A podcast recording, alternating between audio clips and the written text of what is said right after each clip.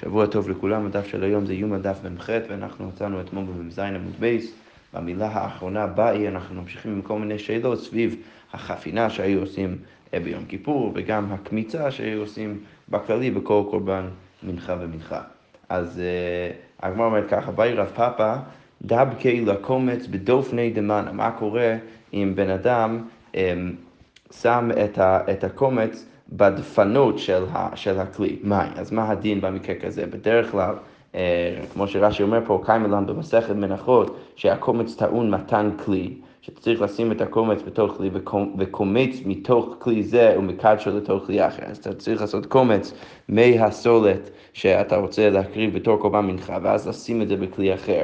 ועכשיו השאלה היא, מה קורה אם אתה לא ממש שם את הקומץ בתוך כלי, אלא אתה מדבק את זה בדפנות של הכלי אה, מהצדדים, ולא ממש על אה, שולי הכלי.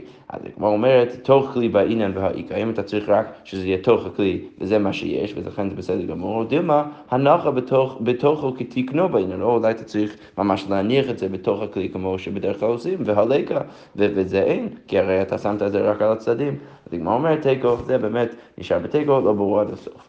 בואי מר ברב אשי, אבחי למעלה, מה קורה אם אתה הופך את הכלי? אה, לצד השני שלו, ודבקי לקומץ בארעיתי דמן, ואתה מדבק את ה... אה, את, ה, את הקומץ על שולי הכלי מבחוץ, מהו, מה הדין במקרה כזה? הנחה בתוך הבאים והאיכא, אולי אתה צריך רק הנחה על הכלי או בתוך הכלי, וזה יש. או דילמה הנחה כתקנו בעניין ולקו, אולי אתה צריך להניח את זה כמו שבדרך כלל מניחים דברים בתוך הכלי, ולכן זה שהפכת את הכלי, אז כבר אין את, ה, את הפרמטר הזה. אז אם הוא אומר תיקו, גם זה תיקו. ביי רב פאפא מלוך אופניו שאמרו מחוקות וגדושות. כשהוא עושה מלוך אופניו, אז יש כמה אופציות שהוא יכול לעשות כשהוא עושה את החפינה. הכהן גדול יכול לעשות איזושהי ערימה גדושה. אמ, שיש, שיש מלא קטורת גם מעל הידיים שלו, איזושהי ערימה מעל הידיים, מעל החפינה שהוא עושה, או מחוקות שצריך להיות דווקא חלק, שלא יהיה שום, אה, שום קטורת מעל הידיים שלו. אומרת, אמר לרבי אבא לרב אשי, תשמע, מלוך אופניו שאמרו לא מחוק ולא גדוש, או כתוב בבית, זה לא אמור להיות לא מחוק ולא גדוש, אלא תפופות, צריך להיות דווקא תפופות. רש"י מסביר, לשון דבר צף בגובה מעט, צריך להיות מעט, קצת, קצת מעל הידיים ולא יותר מדי. רש"י מצטט ציטוט מפרקי אבות, כמו שכתוב שם, על דעתיפת התפוך, שזה ממש מה שזה צף קצת, אה, קצת למעלה ולא יותר מדי. אוקיי, סנן הטעם, כתוב בברייתא, נשפך הדם על הרצפה ואספו פסול, שאם שחטת אה, קורבן וישר הדם אה, יצא מהבהמה על הרצפה, אז כבר פסלת את הדם והקורבן, כי הרי לא היה שלב שבו קיבלת את הדם, אנחנו יודעים שצריך אה, לעשות משהו שנקרא קבלת הדם, צריך לקבל את הדם בכלי ואז לזרוק את הדם על גבי המזבח, אבל אם בכלל לא קיבלת את זה בכלי וזה ישר נפל על הרצפה, אז הקורבן נפסל. אבל מן הכלי על הרצפה ואספו כשר, אבל אם עשית את הקבלה כמו שצריך ורק אחרי זה זה נשפך על הרצפה ואז אספת את זה, אז זה כשר. אז כמו אומר בניין ימילה, מאיפה אנחנו יודעים את זה? תתנו רבנן, כתוב ולקח מדם הפר, צריך לקחת מדם הפר, מדם הנפש ולא מדם האור. צריך להיות דווקא דם הנפש שיוצא ברגע השחיטה ולא מדם שיוצא מאיזושהי חבורה מהאור, ולא מדם התמצי וגם לא מהדם ש, שיוצא אחרי רגע השחיטה. לא, צריך להיות דווקא דם הנפש, שעם הדם הזה אה, יוצא הנפש של הבהמה, הדם שיוצא ישירות אה, ברגע השחיטה. ודרשה שנייה גם כן בברייתא, מדם הפר, דם מהפר יקבלנו. אז צריך דווקא לקבל את הדם מהפר, ולכן אם הדם נופל ישירות על גבי רצפה, ואפילו אם אספת את זה אחרי כן, זה עדיין בעייתי וזה פסול. הגמרא אומרת, ישראל גדייתך מדם הפר, לכאורה הדרשה פה מחודשת, למה? כי מה כתוב בפסוק מדם הפר? אז לכאורה משמע שאתה צריך לקחת רק חלק מהדם של הפר, ולא כמו שאנחנו פירשנו, שהדם אתה צריך לקחת מהפר. אז בעצם מה שאנחנו עשינו בדרשה זה שהעברנו את המם מהדם להפר, ואמרנו דם מהפר במקום מדם הפר. אז הגמרא עכשיו מסבירה למה היינו צריכים לעשות את הדרשה הזו ולא דרשה אחרת. הגמרא אומרת, איסר כדאיתך מדם הפר, כי אם היית חושב שצריך לדרוש מדם הפר, מדם ואפילו מקצת דם, שאתה יכול אפילו לקחת חלק מהדם, והאמר רב יהודה, הרי רב יהודה אמר, המקבל צריך שיקבל כל דמו של פרה, אתה צריך לקבל את כל הדם, או לפחות כל דם הנפש, ולכן אתה לא יכול לדרוש מדם הפר, שנאמר, ואת כל דם הפר ישפוך ליסוד המזבח, ולכן ברור שזה צריך להיות כל הדם, ולכן אתה לא יכול לדרוש מדם הפר, לכן יש לך, האופציה היחידה שנשארת לך זה להעביר את המם להפר, ואז יוצא דם מהפר, שזה מלמד אותך שצריך לקחת דווקא, לקבל את הדם דווקא מהפר, ולא אחרי שזה כבר נפל לרצפה. אלא שמאמינה, מים מדם הפר, דם מהפר. יקבלנו. אז צריך לקבל את זה דווקא מהפר. וכסבר, והגמרא מוסיפה ככה אה, מהצד, צריך להניח שאנחנו אה, באיזושהי תפיסת דרישה שאומרים גורעין ומוסיפין ודורשין. אתה יכול להוריד אה, אות ממילה, את המם, ומוסיפין, ולהוסיף את זה למילה אחרת, למי הפר, ודורשין, ואז לדרוש, שאז אפשר לקרוא את הפסוק, דם מי הפר. אוקיי, באי רב פאפה עכשיו ש... אה, אה, כשדיברנו על השאלה מה קורה עם הדם שיוצא מהבהמה ונופל ישירות על הרצפה, אה, אמרנו שזה פסול, ואמרנו שאם זה, אתה מקבל את זה בכלי ואז זה נשפך על הרצפה, זה בסדר גמור אם אתה עושה, מעצב את זה אחרי. עכשיו אנחנו נשאל אותו דבר לגבי הקטורת. אז כמו אומר ככה, באי רב פאפה, נתפזר הקטורת ממלוא חופניו מהו, מה קורה אם הכהן גדול עשה את החפינה, ואז התפזר הקטורת מהידיים שלו אחרי שהוא כבר עשה את החפינה. אז עכשיו, לפני שאפילו נקרא את זה בגמרא, מה, מה, מה היו שני הצדדים של השאלה? אפשר להגיד שהידיים שלו זה כמו כלי, ולכן זה כאילו נשפך הדם אחרי שכבר קיבלת את זה בכלי ולכן זה בסדר גמור, או אפשר להגיד בדיוק הפוך, שהידיים שלו זה לא כלי ולכן אפילו אם זה נשפך אחרי שהוא עשה את, או התפזר אחרי שהוא עשה את החפינה, בכל זאת זה פסול. הדגמר אומרת, ידו כצוואר בהמה אדמי, האם זה נחשב כמו הגוף או הצוואר של הבהמה הוא פסולה, ולכן אין פה אה, קבלה בכלי לפני שהתפזר ולכן פסול, או דילמה ככלי שרת דמי ולא פסולה, או אולי זה נחשב כמו כלי שרת אה, ולכן זה לא פסול. והגמרא אומרת, תיקו זה באמת, אה, אה, תיקו לא ברור עד הסוף. באי רב פאפה, חישי בחפינת קטורת מהו? בדרך כלל אנחנו אומרים שמחשבה זה דבר שהוא מאוד מאוד משמעותי בקורבנות. שאם אתה חושב איזשהו משהו לא נכון אה, בתהליך הבאת הקורבן, אז זה יכול לפסול לך את הקורבן. אה, הנה, רש"י אומר, חישי בחפינה קטורת על מנת להקטירה למחר. שאתה חושב שהוא, הכהן גדול, שהוא עושה את החפינה, אז הוא חושב שהוא רוצה להקטיר את הקטורת מחר. אז האם זה דבר שיכול לפסול את הקטורת או לא? הגמרא אומרת, מי אמרינן יליף מלוא מלוא ממנחה, אולי אפשר ללמוד גזירה שווה מלוא מלוא ממנחה, מהותה מהניה במחשבה, אך נמי מהניה במחשבה, אפשר להגיד, כמו, כמו ששם אצל כמו מנחה, מחשבה זה מאוד משמעותי, ואם אתה חושב שאתה רוצה להקטיר את המנחה מחר, אתה פסלת את, את, את המנחה, אז כמו כן פה אתה פוסל את הקטורת, או לא, או אולי לא נגיד את זה.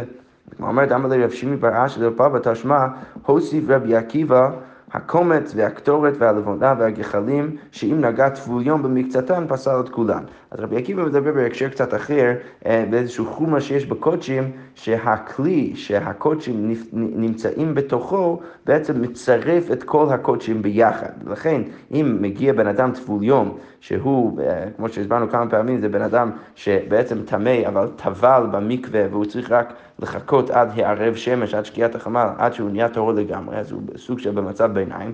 אם נגע טבול יום במקצתן, רק בחלק מהדברים האלו בתוך הכלי, נגיד יש קטורת בתוך כלי, או לבונה בתוך כלי, או גחלים בתוך כלי, אז אם הטבול יום נוגע בצד אחד של הדבר שנמצא בתוך הכלי, אז פוסל את כולן כי הכלי מצרף את הכל ביחד, והכל הופך להיות עכשיו טמא.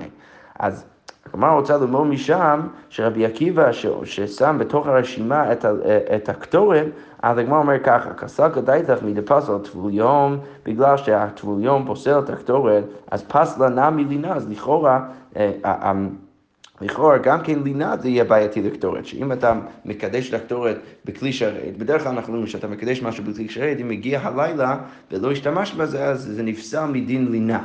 כי אתה לא אמור להשאיר את זה עד מחר, כי אתה צריך להשתמש בזה היום.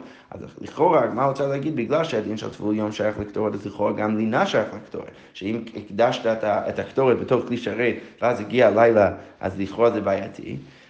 ומשם אפשר ללמוד לשאלה שלנו, מדלינה פסלה, פסלה נמי מחשבה. לכאורה בגלל שלינה פסלה, הלינה פוסל, פוסלת את הקטורת, אז, אז כמו כן גם המחשבה פוסלת את הקטורת. רש"י עושה את, ה, את, ה, את, ה, את הקשר יותר הדוק, הוא בא ואומר, אם אנחנו יודעים שלינה זה בעייתי, אז לכאורה גם מחשבת לינה זה בעייתי, כי בעצם המחשבה שאנחנו מדברים עליה זה סוג של מחשבת לינה, זה, זה, זה מחשבה שהכהן רוצה להשאיר את הקטורת עד הבוקר, עד למחרת. אבל לכן, אז לכן זה קשור ללינה. אז אם אנחנו יודעים שלינה זה בעייתי, אז לכאורה צריך להגיד שגם כן המחשבת לינה זה בעייתי, ולכן לכאורה אנחנו ככה אה, עונים לשאלה שלנו, שלכאורה מחשבה זה כן אה, משמעותי אה, גם בקטורת. אוקיי, הגמרא משחב אומרת, באי רב פאפה, רב פאפה שואל, חישב בחטיית גחלים, מה קורה אם הוא חישב כשהוא עשה את ה... את החטיית הגחלים, כמו שראינו לפני כמה דפים, אז הכהן כבר צריך לעלות לראש המזבח ולחטות משם גחלים כדי להכניסם לבית קודש, קודש הקודשים כדי להקטיר עליהם את הקטורת. אז עכשיו השאלה היא האם החשיבה שם זה גם משמעותי. ומה שני הצדדים של השאלה? מכשירי מצווה כמצווה הוא... או לא, האם המכשיר של המצווה, שזה הגחלים, זה לא ממש המצווה להביא גחלים, פשוט אנחנו צריכים אותם כדי להקטיר עליהם את הקטורת. אז האם זה נחשב כמצווה עצמו, ולכן גם המחשבה אה, היא תהיה בעייתית, או דילמה, אה, או לא, או אולי זה לא כל כך בעייתי, תגו. אוקיי, באו מיני רב ששת, שאלו את רב ששת, הולכה בשמאל מהו. עכשיו אנחנו כבר לא מדברים על החפינה, מה קורה אם בן אדם עושה אה, קבלת הדם של קורבן שהוא שוחט, והוא עושה קבלת הדם בכלי, ואז הוא מביא, את, הוא עושה את העבודה של הולכה מה, מהשחיטה למזבח, הוא, הוא, הוא, הוא, הוא מוליך את הדם ביד השמאל שלו. אז עכשיו השאלה האם זה בעייתי, רש"י נכנס פה לזה שאנחנו כבר יודעים אצל רוב העבודות בקורבן, שאנחנו יודעים שצריך שם שיהיה ביד ימין, אבל בגלל ש, אה, ש, שלא כתוב במפורש בהולכה, אז לא ברור עד הסוף שצריך להיות עם יד ימין, ולכן השאלה האם יד השמאל מעכב. כמו אומרת, אמר לי רב ששת תניתוה, בואו נלמד מהמשנה שלנו אה, במסכת יומא, נטר את המחתה בימינו ואת הכף בשמאלו, הרי כתוב במפורש שהכהן גדול, כשהוא נכנס לקודש הקודשים, אז הוא נכנס שם עם המחתה ביד ימין ועם הכף ביד השמאל, לכאורה משמע שזה לא בעייתי באמת להוליך דברים עם יד השמאל. אוקיי, אז הגמרא אומר, רגע, ונפסד לו מהדתנן, למה לא למד את זה ממשנה אחרת? כתוב שם, הרגל של ימין בשמאל, ובית אורה לחוץ, שכתוב אצל הכהנים שצריכים להעלות את האיברים לגבי מזבח, אז כהן אחד מעלה ראש ורגל ימין. אז כשהוא מעלה את הראש והרגל ימין ביחד, אז הוא, הוא, הוא, הוא מעלה את הראש ביד ימין ואת הרגל של ימין ביד שמאל. ובית ההוראה לחוץ, ובית ההוראה צריך להיות אה, אה, החוצה אה, כשהוא מעלה את העברים ככה. אבל בכל זאת, מה אנחנו רואים? שגם, ופה זה אולי עוד יותר רלוונטי למקרה שלנו, כשהכהן מוליך ומעלה משהו לגבי המזבח, הוא יכול לעשות את זה ביד שמאל, אז למה לא למדת משם? למה הייתי צריך ללכת עד מסכת יומא בהקשר של יום כיפורים, שהוא מכניס משהו לקודש הקודשים, שזה לא אפילו כל כך דומה למזבח, למה היית צריך ללכת עד לשם ולא משם? לכאורה הייתי יכול ללמוד מהמשנה שאנחנו מצטטים עכשיו.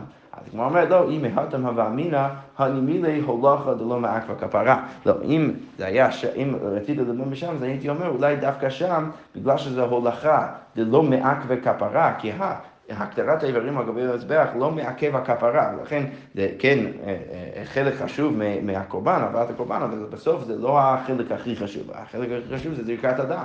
ולכן, אולי הייתי חושב שדווקא שם, הולכה דלא מעכבה כפרה, זה בסדר גמור לעשות את זה מיד השמאל, אבל הולכה דמעכבה כפרה, במקרה שלנו, אה, של זריקת הדם, הייתי חושב שלא, שמיד השמאל זה לא בסדר גמור, ולכן היינו צריכים ללכת על המשנה שלנו, כמה שבלן, ממסכת יומא, שכן אפשר להוליך דברים, אפילו שמעכבים את הכפרה ביד שמאל, כי הרי אנחנו רואים שהכהן גדול מכניס עם היד השמאל שלו את הקטורת לתוך קודש הקודשים.